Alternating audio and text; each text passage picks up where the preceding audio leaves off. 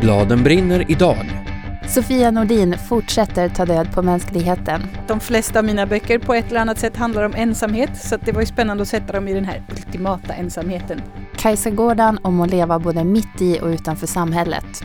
Verkligen sitta öga mot öga med dem och försöka begripa att så här är det på riktigt för tusentals barn.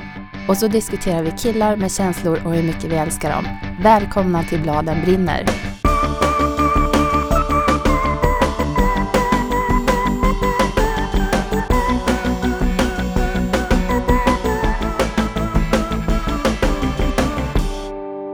En rolig sak som hänt sen sist Johanna, det är att vi har varit i Norge och har fått praktisera vår skamnorska.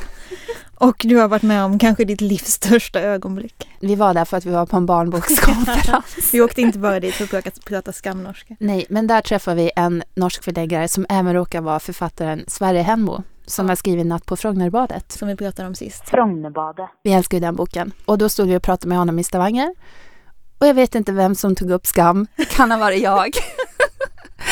Men han berättade i alla fall att hans barn gick på den skolan där några av skamskådisarna går. Ja, och ditt huvud höll på att explodera av den här jackpotten. Ja, men det, jag kunde inte Både tro det. Både Sverige och skam. Jag var liksom två, två steg ifrån skam. eh, men tyvärr hade han som inte mjölkat de här kontakterna, så vi började fråga vem är säsong fyra och allting och han visste ingenting. Nej, det var synd. Ja, det var i alla fall skitkul. Ja. Jag heter Johanna Lindbäck. Och jag heter Lisa Bjärbo.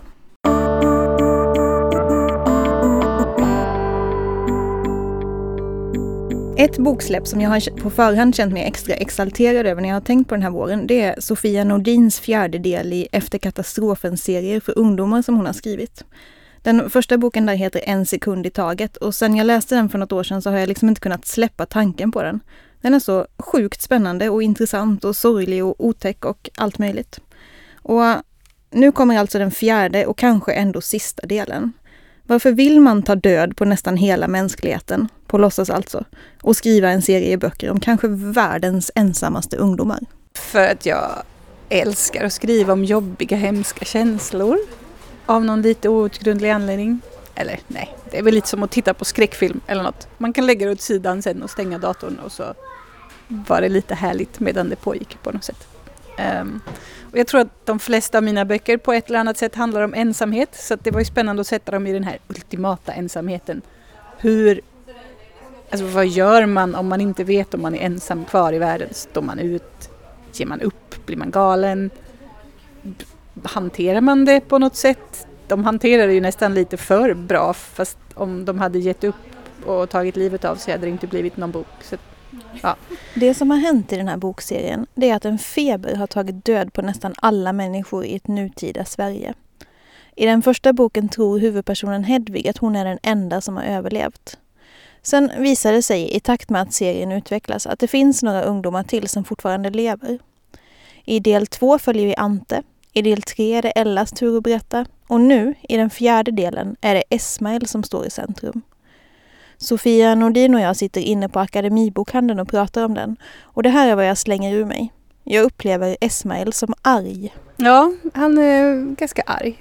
Arg på febern, arg på hur orättvist det är, arg på att eh, en av hans kompisar som överlevde dog ändå sen. Och han är arg på Ella som han tycker väl implicit har lovat honom någonting genom att till exempel ha sex med honom.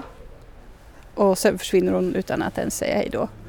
Och han känner sig väl eh, men förutom lämnad så känner han sig väl förminskad och förlöjligad och liksom lite hånad i det som man kan göra. Alla de fyra böckerna i serien är skrivna i jag-form. Som läsare känns det som om man har flyttat in i huvudet på de här tonåringarna och följer deras minsta tanke och känsla. Hur har det varit att försöka skildra dem så här nära? Är det till exempel någon skillnad för Sofia att skriva om en kille som Esmael mot att skriva om en tjej? Jag märker ju vissa här, impulser hos mig själv som är, ja men bygger på olika normer som jag har med mig såklart. Som att så, här, ja, men så fort det är en uppväxtskildring om en kille då runkar de hela tiden. Jaha men det gör ju aldrig tjejer i böcker eller ganska sällan. Men det, bara, det dyker upp som den där impuls att de ska göra det typ. Eh, och då har jag tänkt att så här, men gud vad fjantigt, det, nej, så kan jag inte hålla på. Och samtidigt bara, ja men det är snarare att jag borde göra tvärtom, att tjejerna borde få onanera mer också i böckerna. Men ja, ja. ja det är en så här konstig impuls som dyker upp. Och andra bilder såklart av så här, men som man är van, hur det skildras. Um, men sen har jag såklart tänkt på olika könsroller, hur de... Um, jag har ju till exempel om Ante i del två fått ganska många frågor så här om, ja men han är så känslig och snäll och, och typ osäker. Och jag säger ja, han är väl typ ungefär som Hedvig i första delen. Som ingen har sagt att hon är så här osäker och känslig utan hon är så stark problemlösare och de är ganska lika. Så det är en mystisk kontrast som plötsligt dyker upp i läsningen där. Um, och med del 4 med Esmael så har jag ju tänkt på så här, hur är det inuti att vara den här personen som faktiskt typ förföljer någon tjej som ju har stuckit ifrån honom som en ganska tydlig hint om att hon kanske inte är så sugen. Det är ju jättespännande det här med läsarreaktionerna på Hedvig och Ante. Att, eh, att just att Hedvig blir den starka tjejen men Ante som gör exakt samma sak blir den ganska svaga killen. Ja, det, är, det är spännande. Nu är de ju inte exakt likadana men det är ändå det är, det är ju känsligare för en kille att eh, få vara osäker eller rädd eller... Ja. Jag har inte tänkt så mycket på det när jag läser men jag har ändå fått kommentarer om det på ett sätt som att det är konstigt.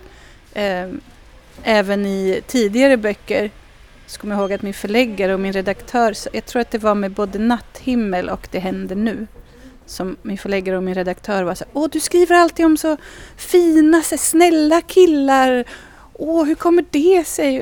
Jag säger, ja, nej men de flesta är väl det. Eller jag vet inte. De flesta jag känner är det i alla fall. Då har jag ju för sig sorterat bort några rötägg såklart. Men vad, det har jag ju gjort bland mina vänner av honkön också. Så att det, ja.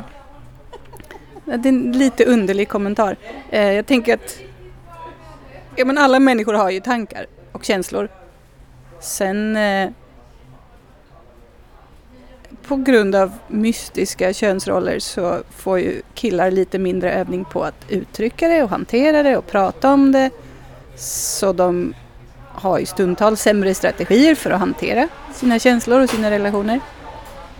Um, och det har ju Ante, eller vad jag säga, Esmael har ju ganska kassa strategier. Men det verkar som att alla som läser ändå förstår precis hur han känner och flera verkar inte ens ha märkt att han beter sig som en galen stalker lite grann mot Ella utan bara ja men stackars Esmail varför är Ella så dum mot honom? Um, och det är hon ju också, hon har inte heller så bra strategier. De är ju typ 14-15 år, det är inte den ålder man är mest känd för att ha förstått allt om hur relationer fungerar eller hur man ska hantera sina känslor. Så. Det jag tycker är så otroligt smart med de här böckerna det är att de är relationsromaner om tankar och känslor men de är inslagna i en efter katastrofen-förpackning. Alla som någon gång har försökt att sälja in en bok hos ett gäng, till exempel 13-åringar, vet att det är mycket, mycket lättare att göra det med orden ”hela mänskligheten har dött i en feber” än med orden ”huvudpersonerna tänker och känner ganska mycket”. Är det en medveten strategi undrar jag? Är Sofia Nordin typ Sveriges listigaste författare? Nej, jag har nog inte varit så listig. Jag tror det här det är helt enkelt mina två favoritteman som har gift sig. Jag älskar när det handlar om känslor och relationer och jag älskar överlevnadsberättelser. Det har jag alltid gjort. Liksom. Jag har alltid, sen jag var liten och läste långa beskrivningar om folk som samlade små frön och malde till mjöl och bakade bröd och det kunde hålla på i 30 sidor och det var fortfarande spännande. Liksom.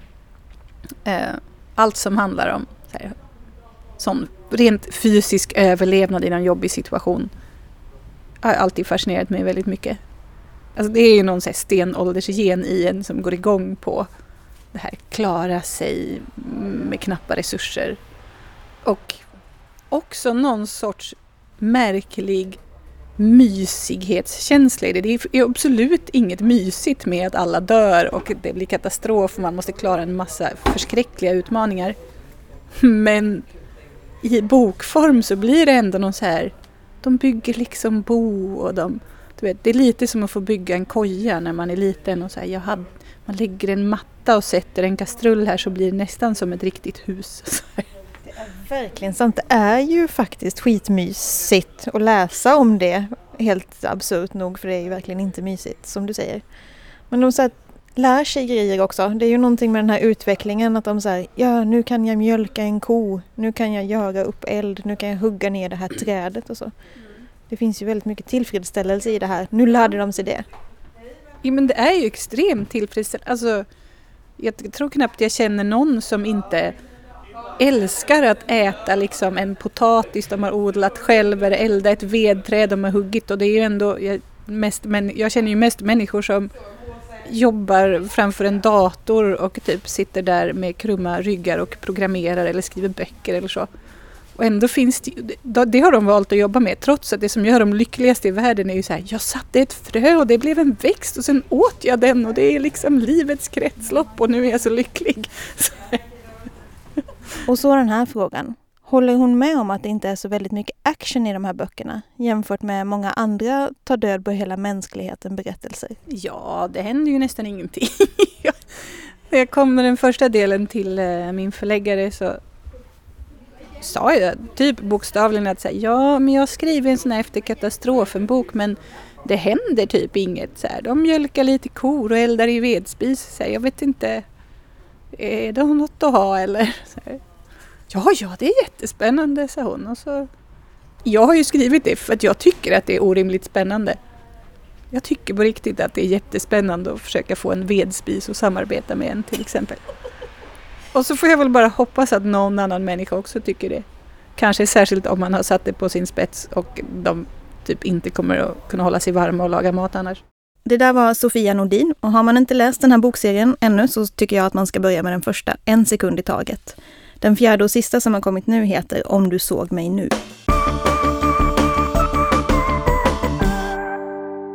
Nu ska vi prata om killar med känslor. Åh, oh, vad härligt. Det är som jackpot och det här är dubbeljackpot för att jag har kuppat in skam. Igen? Igen. Kom på ett smart sätt så att du skulle säga ja till att jag får prata om skam. Eh, men det är så här att när eh, den serien skapades så gjorde hon som har skrivit manus, Julie Andem, hon har inför serien djupintervjuat massa, massa ungdomar om vad de tänker på, problem och allt möjligt sånt. Och under serien så har, när de har spelat in alltså, då har skådisarna också fått komma med input. Hur skulle de reagera? Vad skulle de säga här? Och det är alltså väldigt autentiskt. Mm. Eh, och speciellt på den tredje säsongen när det är en kille som är huvudperson och det är ganska mycket om hans kompisgäng som är killar.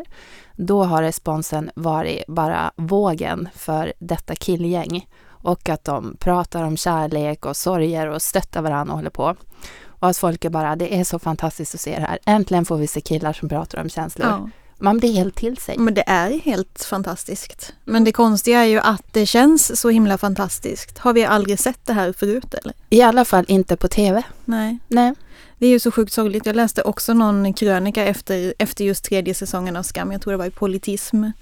Um, så var det en krönika som var så här att ja men killar ni borde vara så sjukt förbannade på att ni har fått vänta fram tills nu på att se den här skildringen. Mm. Det är inte som att det lider brist på skildringar av män och killar i populärkultur eller kultur. Men ändå så är det ganska ovanligt att man får se på film eller läsa om böcker, som, böcker om killar som pratar om sina känslor. Precis, som inte är macho. Nej. Vi är vana att de är macho. Mm. Mm. Mitt nästa exempel, mm. är, det är Paxböckerna som är skrivna av Åsa Larsson, Ingela Korsell och Henrik Johansson har illustrerat. För 9 till 12-åringar. Precis, och det här är jätteactionspäckad fantasy. Det handlar om två brorsor som håller på att slåss mot nordiska folktroväsen i Mariefred. Och det är verkligen så här man är så andfådd när man läser de böckerna för att det händer saker, farliga saker hela tiden. Och då i en intervju med Åsa Larsson så berättar hon hur det blir när de kommer ut på skolbesök och ska prata om de här. Och då sa hon denna mening det barnen vill prata om är ju relationerna. Som du har så strukit under, ringat in, hängt upp på jag väggen. har broderat den och satt upp den på väggen. Eh, och eh, det gjorde mig så förvånad för jag tänkte att just Pax har blivit en sån här bok som alla läser, både killar och tjejer. Och det har varit mycket sådana som inte tycker om att läsa, de gillar att läsa Pax. Och då trodde jag att när man kommer ut på skolbesök får man typ prata om de läskiga monstren. Mm, Mm, men man pratar om relationer. verkligen, det är Mm. jättespännande. Ja. Och lite, mm, liksom, man blir glad av det tycker jag. Tror att vi är i en förändring. Alltså jag hoppas verkligen att vi är i en förändring. Ehm, Jag tycker liksom att den här macho-könsnormen att, eh, att killar ska inte visa sina känslor, inte prata om dem och att de ska inte gråta när de slår sig eller inte Ja men att de ska man up och eh, skärpa till sig och bita ihop. Det är ju typ det största samhällsproblemet vi har. Kanske inte det största men, Men ett av de större. härleder nästan allt ont i världen till den, den grejen och att det verkligen är dags att liksom förändra den. Mm. Jättesnabbt helst. Men då, mm, jag undrar ju, är det här att vi har eh, när vi ser det här i kulturen och vi tycker att det är jätteovanligt. Samtidigt så tycker jag att när jag tänker på mina elever som jag haft i skolan så är det ju inte ovanligt med killar som pratar om känslor. Alltså de gjorde ju det.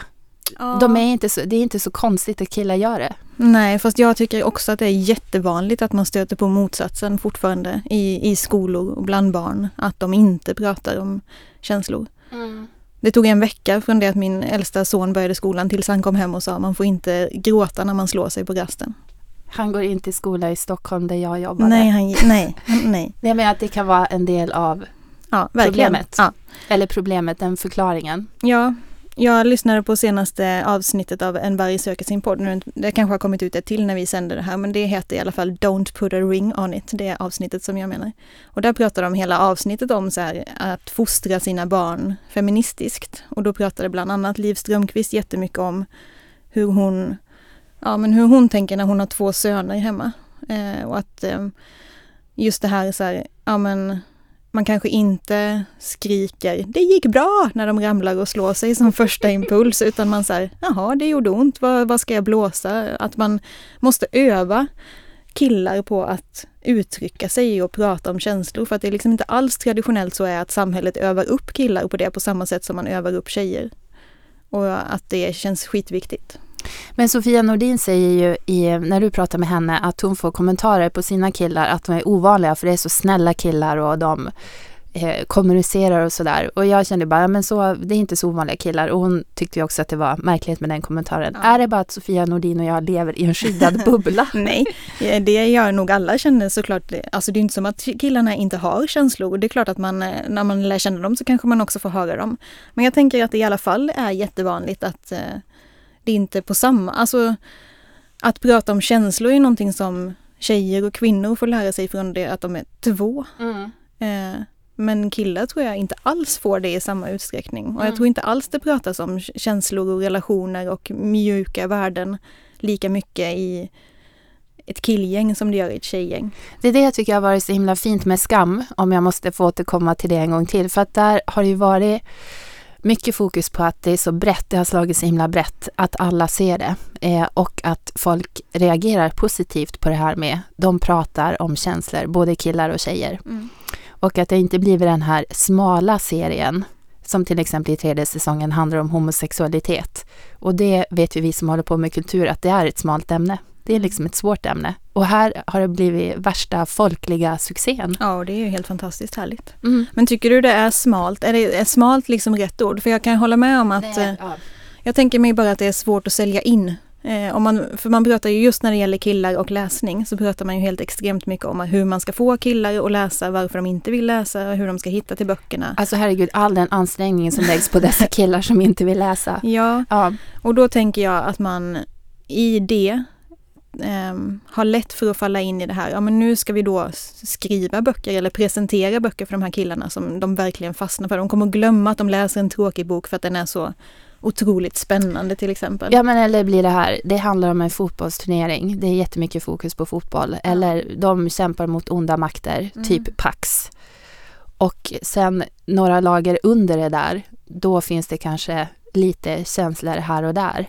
Men att eh, om man tänker så här, vi ska få killar att läsa, då skulle man aldrig säga en bok, ja men det här handlar om en kille som är i skolan. Nej, det Punkt händer slut. ingenting men han känner ganska mycket. Han har kompisar, Ja, det går upp han och ner. tänker på olika grejer. Ja, Alltså eh, det är ju den, den uspen går ju jag igång på. Om någon säger så här, här är en bok om helt vanliga människor som känner och tänker grejer. Så tycker jag att det, här, det är det bästa inställningen någon kan göra av en bok till mig. Men jag tänker mig att det är ju inte den bästa inställningen av en bok till en läsovillig 13-årig kille Nej. eller tjej för den delen. det är därför det här Pax-meningen, de vi pratar om relationer, gjorde mig så glad. Det är, alltså där är det väldigt fiffigt att de har deras böcker handlar ju om en massa, massa saker som man antagligen berättar om när man ska sälja in de böckerna. Och sen är det det folk faller för i alla fall. Ja. Eller i alla fall, inte nu kanske alla, men många. Det hade ju varit fint om man hade i och för sig sett flera actionhjältar som hade varit lite mjukare. Jag ser fram emot om, vad ska vi säga, tio år när topplistan kommer att bara vara full av, ja det är en kille, han har kompisar. och folk bara, 20 000 upplaga. Fantastiskt. Ja, vad härligt det ska. Ja. Jag ser fram emot när topplistan är full av alla möjliga slags böcker men alla killar i dem pratar om känslor hela tiden. Ja. Alla är som Isak i Skam. Vad gillar, vi, vad gillar du mer för böcker eh, där det finns de här killarna då? Eftersom jag gillar många böcker med det här. Men jag kan säga en som heter April, april av Mattias Edvardsson. Som handlar, det låter jättetungt när man bara berättar inledningen. En kille som är väldigt deppad och har haft ett svårt liv. Han tänker begå självmord och det här misslyckas direkt så ingen behöver vara orolig för att det här går så långt. Och sen hamnar han på ett behandlingshem. Det låter fortfarande jättetungt.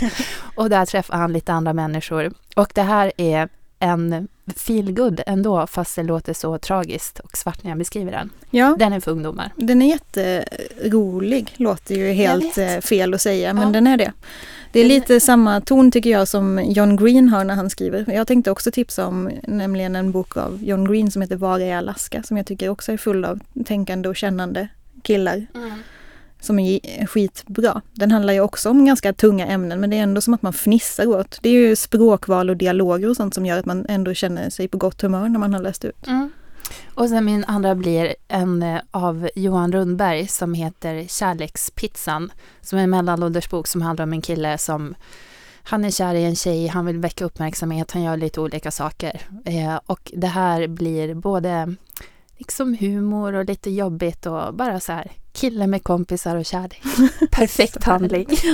Jag vet också att när du pratade med Linn Gottfridsson om den här boken eh, En myras liv som vi tjatar om i varje avsnitt av podden så sa hon också att hon, så här, hon skrev den för att hon letade efter böcker till sina sjuåriga Mm. söner som inte handlade om folk som var ute på äventyr. Eller killar som var ute på Ja. äventyr. Om det skulle vara en kille i, som huvudperson, då var det äventyr.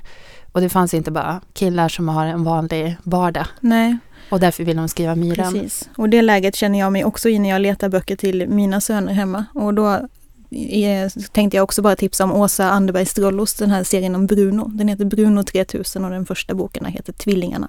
Den tycker jag också är så här vanlig vardag, kille som känner saker, humor och härligheter. Mm. Mer sånt. Ja, Ja. det är jättehärligt.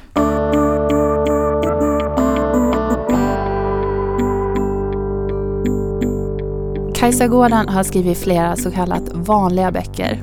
De handlar om folk som har relationer och vardag. Men nu har hon kommit med Om jag får stanna som handlar om Stella och Ilona. De är bästisar, de går i sexan, de spelar fotboll och blir kära och håller på med alla sådana vanliga grejer.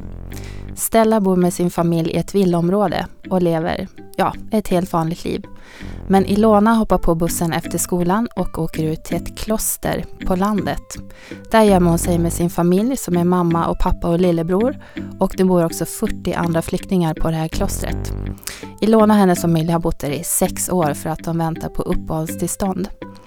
Jag träffar Kajsa och undrar, den här idén att skriva en politisk bok, var kom den ifrån? Om jag får stanna. Skriven av Kajsa Gården. Den tänkta läsaråldern är 9 till 12 år. Boken ges ut av Rabén och Sjögren. Den kom sig av att det ser ut som det gör i samhället. Och eh, att jag började fundera på hur det skulle kännas om man var i den här situationen. Eh, som Ilona är i. Men det var också det att jag tänkte väldigt mycket på Eh, mina egna skuldkänslor för att jag har det så bra. Och där kommer Stella in. Så jag ville undersöka båda delarna. Det var liksom de starka känslorna jag själv hade som var både sorg och undran eh, som gjorde att jag började skriva. Jag kände så starkt att jag inte kunde bara skriva om, om det andra på något sätt när världen ser ut som den gör. Utan jag hade behov av att be bearbeta eller undersöka det på något sätt. Men världen har ju varit hemsk jättelänge. Ja, och vad beror det på att jag började göra det nu? Jag vet inte, jag tror att det har legat på lur hela tiden egentligen för mig. Eh, sen var det väldigt svårt också därför att jag visste hela tiden att jag ville, samtidigt som jag har det här allvarliga ämnet så ville jag att boken skulle vara lättsam. Och ha lite den tonen som jag har i mina andra mellanåldersböcker. Eh, att det är lite kul och det är lite i skolan och ja men så. Jag ville att den här boken skulle vara så också, det var viktigt för mig. Och det, det var svårt eh, att balansera det där, jag höll på väldigt mycket med det. Varför ville du att den skulle vara lättsam också? Därför att eh, det känns som att det är då man kan ta till sig allvaret. Mm. Man kan identifiera sig. Man håller in, behöver inte hålla det ifrån sig för att det är för mycket och för mörkt och för tungt. Men också för att om man, om man liksom blir, ehm, känner att den här Ilona-tjejen, det kan vara jag, lika väl som Stella-tjejen. Då blir det så mycket smärtsammare också att hon inte har rätt att vara här. Det blir obegripligt. Men när du då börjar på eh, att skriva den här berättelsen eller göra research för, på den här berättelsen, var du, kändes det mer nervöst för att det var det här ämnet? Jag menar som, var, det, är man mer, var du mer osäker? Hur ska jag lyckas? Hur får jag till det? Inte då. Jag var, jag var nyfiken och ivrig. Det är första gången jag har gjort research för en bok på det sättet. Eh, genom bekanta så fick jag möjlighet att träffa många barn som lever gömda. Dels på ett kloster men också på andra ställen. Så jag gjorde intervjuer med barnen och det var ju väldigt... Eh, det var ju väldigt, eh, vad ska man säga? Spännande på ett sätt men också omtumlande.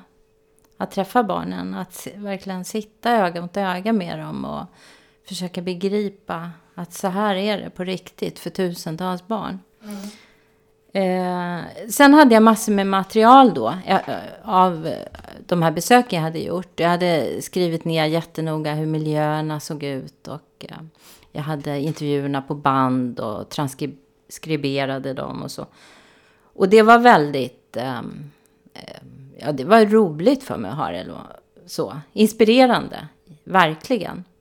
Om du kände dig nervös, jag tänker att det kommer ett stort ansvar. Att det kanske ja. det kan vara lättare att gå in i bara en så vanlig bok och här är det bara, åh, nu har man mycket att förvalta här. Det är verkligen sant.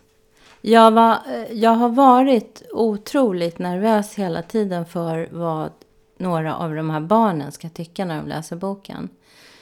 Eh, det, det är känsligt. Jag vill till exempel så är det ju så att de är så fattiga. Eh, och eh, då har inte föräldrarna råd att gå till tandläkaren. De bor ihopträngda i små rum, de har risiga gamla möbler, kläder och så vidare. Och då tänkte jag att när jag beskriver det här och hittar på för att liksom förstärka det på olika sätt och så. Så var jag rädd att jag skulle såra de barnen när de fick läsa om det. Eh, men nu har jag fått, nu har jag fått eh, mail av, av den flicka jag har träffat allra mest. Och hon tyckte väldigt, väldigt mycket om boken och skrev om att hon var väldigt stolt över att hon fick vara med i den och så vidare. Och det, då blev jag lättad. Ja, jag var jätteorolig faktiskt. Men det var ju så här att när jag började skriva den här boken så, så tänkte inte jag i de där termerna av att jag skrev en politisk bok överhuvudtaget. Jag tror aldrig jag skulle kunna börja skriva en bok med som har ett ärende. Det var liksom inte det jag gjorde, utan jag började nog skriva en bok för att jag hade en fråga själv. Och vad var frågan? Frågan eh, var, handlade om eh, egna, mina egna skuldkänslor för att jag har det bra. Och eh, hur kan det kännas att på, eh, få vara med i det här samhället. Både få vara med i det här samhället och inte få vara med på en gång. Som det för Ilona. Det ville jag undersöka. Tycker du att du har hittat något svar?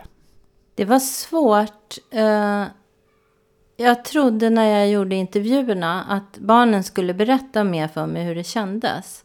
Men det gjorde de inte alls. Och sen insåg jag hur naiv jag var som trodde att de skulle berätta det för en vilt främmande tant som stövlade in där. Och inte bara för att jag är en främmande person som de inte känner utan också därför att de gör allt i världen för att slippa prata om det här, tänka på det här. Um, men jag tror att jag, att jag förstår det till en del, en liten del. Men då måste jag fråga, vad berättar de då för dig? Om de inte berättar om det här, vad pratar ni om? Vi pratade om hur... Um, vi pratade om hur de bor. Uh, hur det fungerar uh, när man fyller år. Hur det är i skolan. Jag var med i skolan också. Uh, till exempel är det en scen i, i den här boken där Ilona inte får vara med på klassfotot. Sådana saker fick jag ju lära mig då. Man kan inte vara med på klassfotot, man är inte med på klasslistor. Jag lärde mig liksom mycket om förutsättningarna, eller vad man ska säga, för de här barnen. Och eh, jag träffade barnen och deras föräldrar i den miljö där de lever. Eh, men annars pratade vi liksom vardagsprat också. Vad de hade gjort i skolan, vad de hade ritat för teckningar eller hade för läxor. Och sen fick jag fantisera ihop eh, förstås hur mycket som helst av hur det kan kännas till exempel. Var det svårt att skriva? Jag har skrivit om boken många gånger för att det svåra var de här olika sakerna som jag vägde hela tiden. Hur, eh, hur tung eller allvarlig ska boken vara? Hur svart ska den vara och hur ljus ska den vara till exempel? Eh, det var sånt som jag vägde och ändrade hela tiden. Jag funderade också på när jag beskriver vad de kan ha råkat ut för. Så är det så att, att många av de gömda flyktingarna, de har det som är hotet i hemländerna, det är hedersrelaterat våld. Och det är inte ett eh, godkänt skäl i Sverige för att få asyl. Alltså betyder det att Eh, de här barnen jag träffade, många av deras mammor eh, har blivit våldtagna. Och eh, riskerar det eller döden i det här landet som de har flytt ifrån. Och det är alla olika länder i världen och i olika världsdelar. Men det är samma problematik. Då tänkte jag så här, hur beskriver jag det i en mellanåldersbok? Jag vill snudda vid det, men hur mycket kan jag berätta? Och jag har en scen där jag berättar att Ilona har minnen av att hon såg något hända på köksgolvet. Mamma låg där. Eh, men det var en sån sak, hur mycket ska jag berätta, hur tydlig ska jag vara och hur otydlig och sådär. Det, det var liksom, sånt höll jag på med ganska mycket. Det är ju också, Ilonas klass är ju väldigt eh, hjälpsam mot henne. Eh, vi behöver inte avslöja hur, men hjälper till och stöttar och sådär. Var det här någonting som du, kom det ur intervjuerna du gjorde med barnen eller? Ja, det var ju egentligen den allra första grunden till att jag började skriva. Att jag läste eh, en artikel i tidningen om barn som hjälpte andra barn. Om, eh, alltså det det var barn i en klass och sen läs, jag har sett om det flera gånger, men det är barn som hjälper ett utvisningshotat en utvisningshotad klasskompis. Genom att skriva brev till Migrationsverket, kontakta pressen och så vidare. Och då såg jag den här kraften och den här övertygelsen hos barnen. Att det är självklart att vår klasskompis ska få stanna i Sverige. Det här är ju inte klokt. Vi vi får ju gå här i klassen, då är det klart att hon eller han ska få gå här också. Och så. De begrep verkligen inte. Och det där, Um, det där kände jag igen mig fast jag är vuxen. För jag begriper inte heller. Så det, var, det kan man säga var ett startskott. Verkligen. Mm. Barn som, som hjälper andra barn. Det var någon som sa till mig eh, för ett tag sedan eh, en vuxen som sa så här, ja det är bra att du har skrivit en sån här bok så att barn är så elaka mot varandra nu för tiden så att de får lära sig lite hur man, hur man ska vara mot varandra. Och då blev jag jättesur. Och så sa jag att det är så tänker inte jag alls. Utan jag tänker så här att kanske vuxna kunde lära sig att vara lite schysstare eller eh, mot varandra och vara lite mer som barn. Och det där var Kajsa Gårdan om sin bok Om jag får stanna. Eh, det jag lärde mig när jag pratade med henne var det här med kloster. Att poliser får faktiskt enligt lagen komma till kloster. Men sen en händelse när de gjorde det på 80-talet, de kom till Alsike kloster. Och då blev det sån folkstorm. Det blev så himla, alla blev så upprörda. Så efter det gör de inte det. Nej, Jag visste faktiskt inte nej det. inte jag heller. Jag visste att de inte får komma till skolan och hämta barn, men de undviker kloster. Och precis som Kajsa sa så är den här boken både lätt och svår, så tanken är att den ska passa många läsare och det tycker jag verkligen att den gör. Hon har lyckats med den där balansen.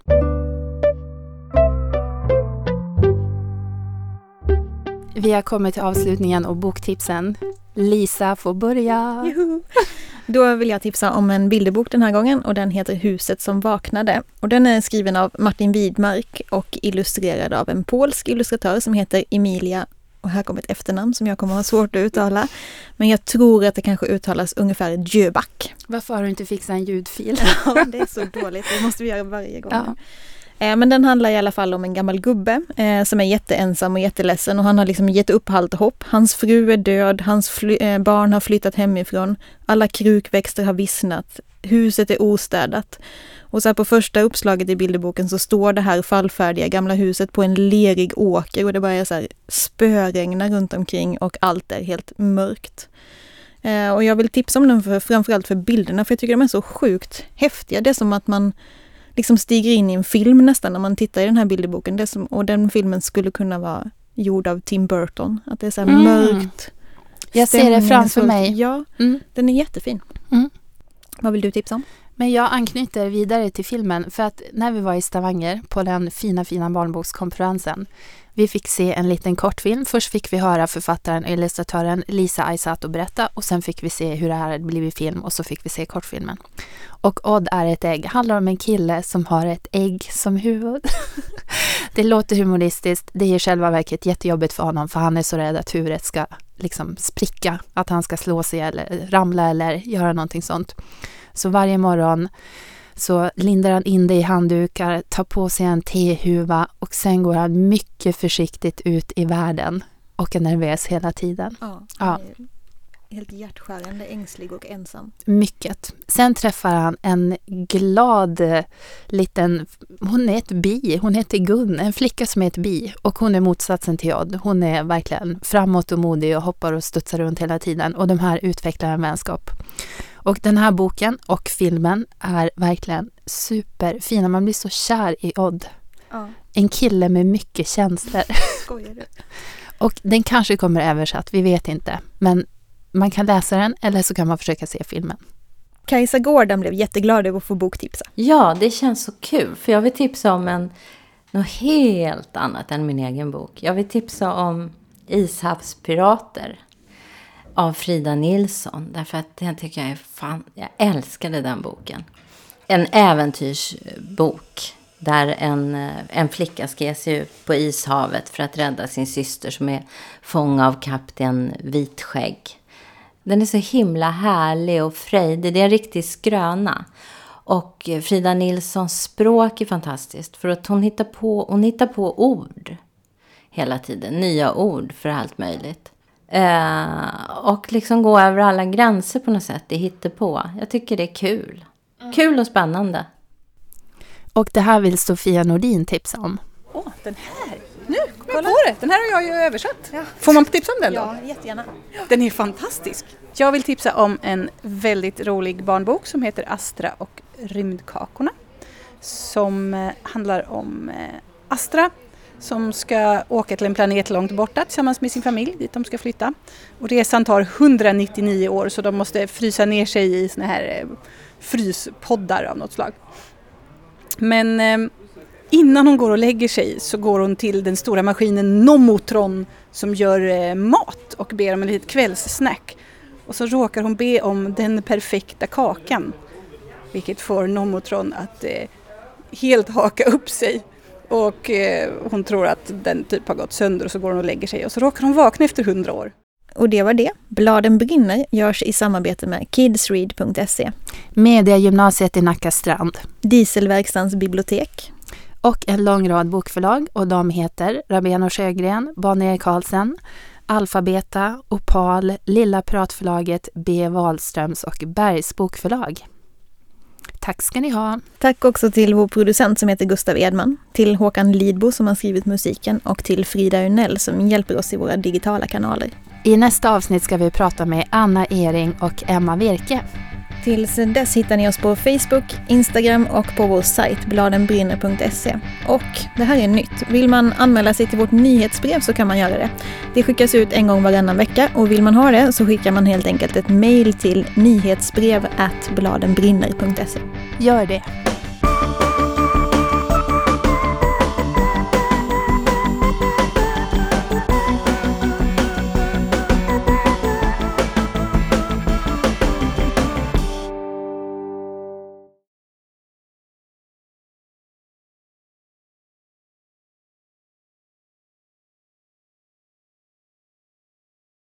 Bladen brinner idag.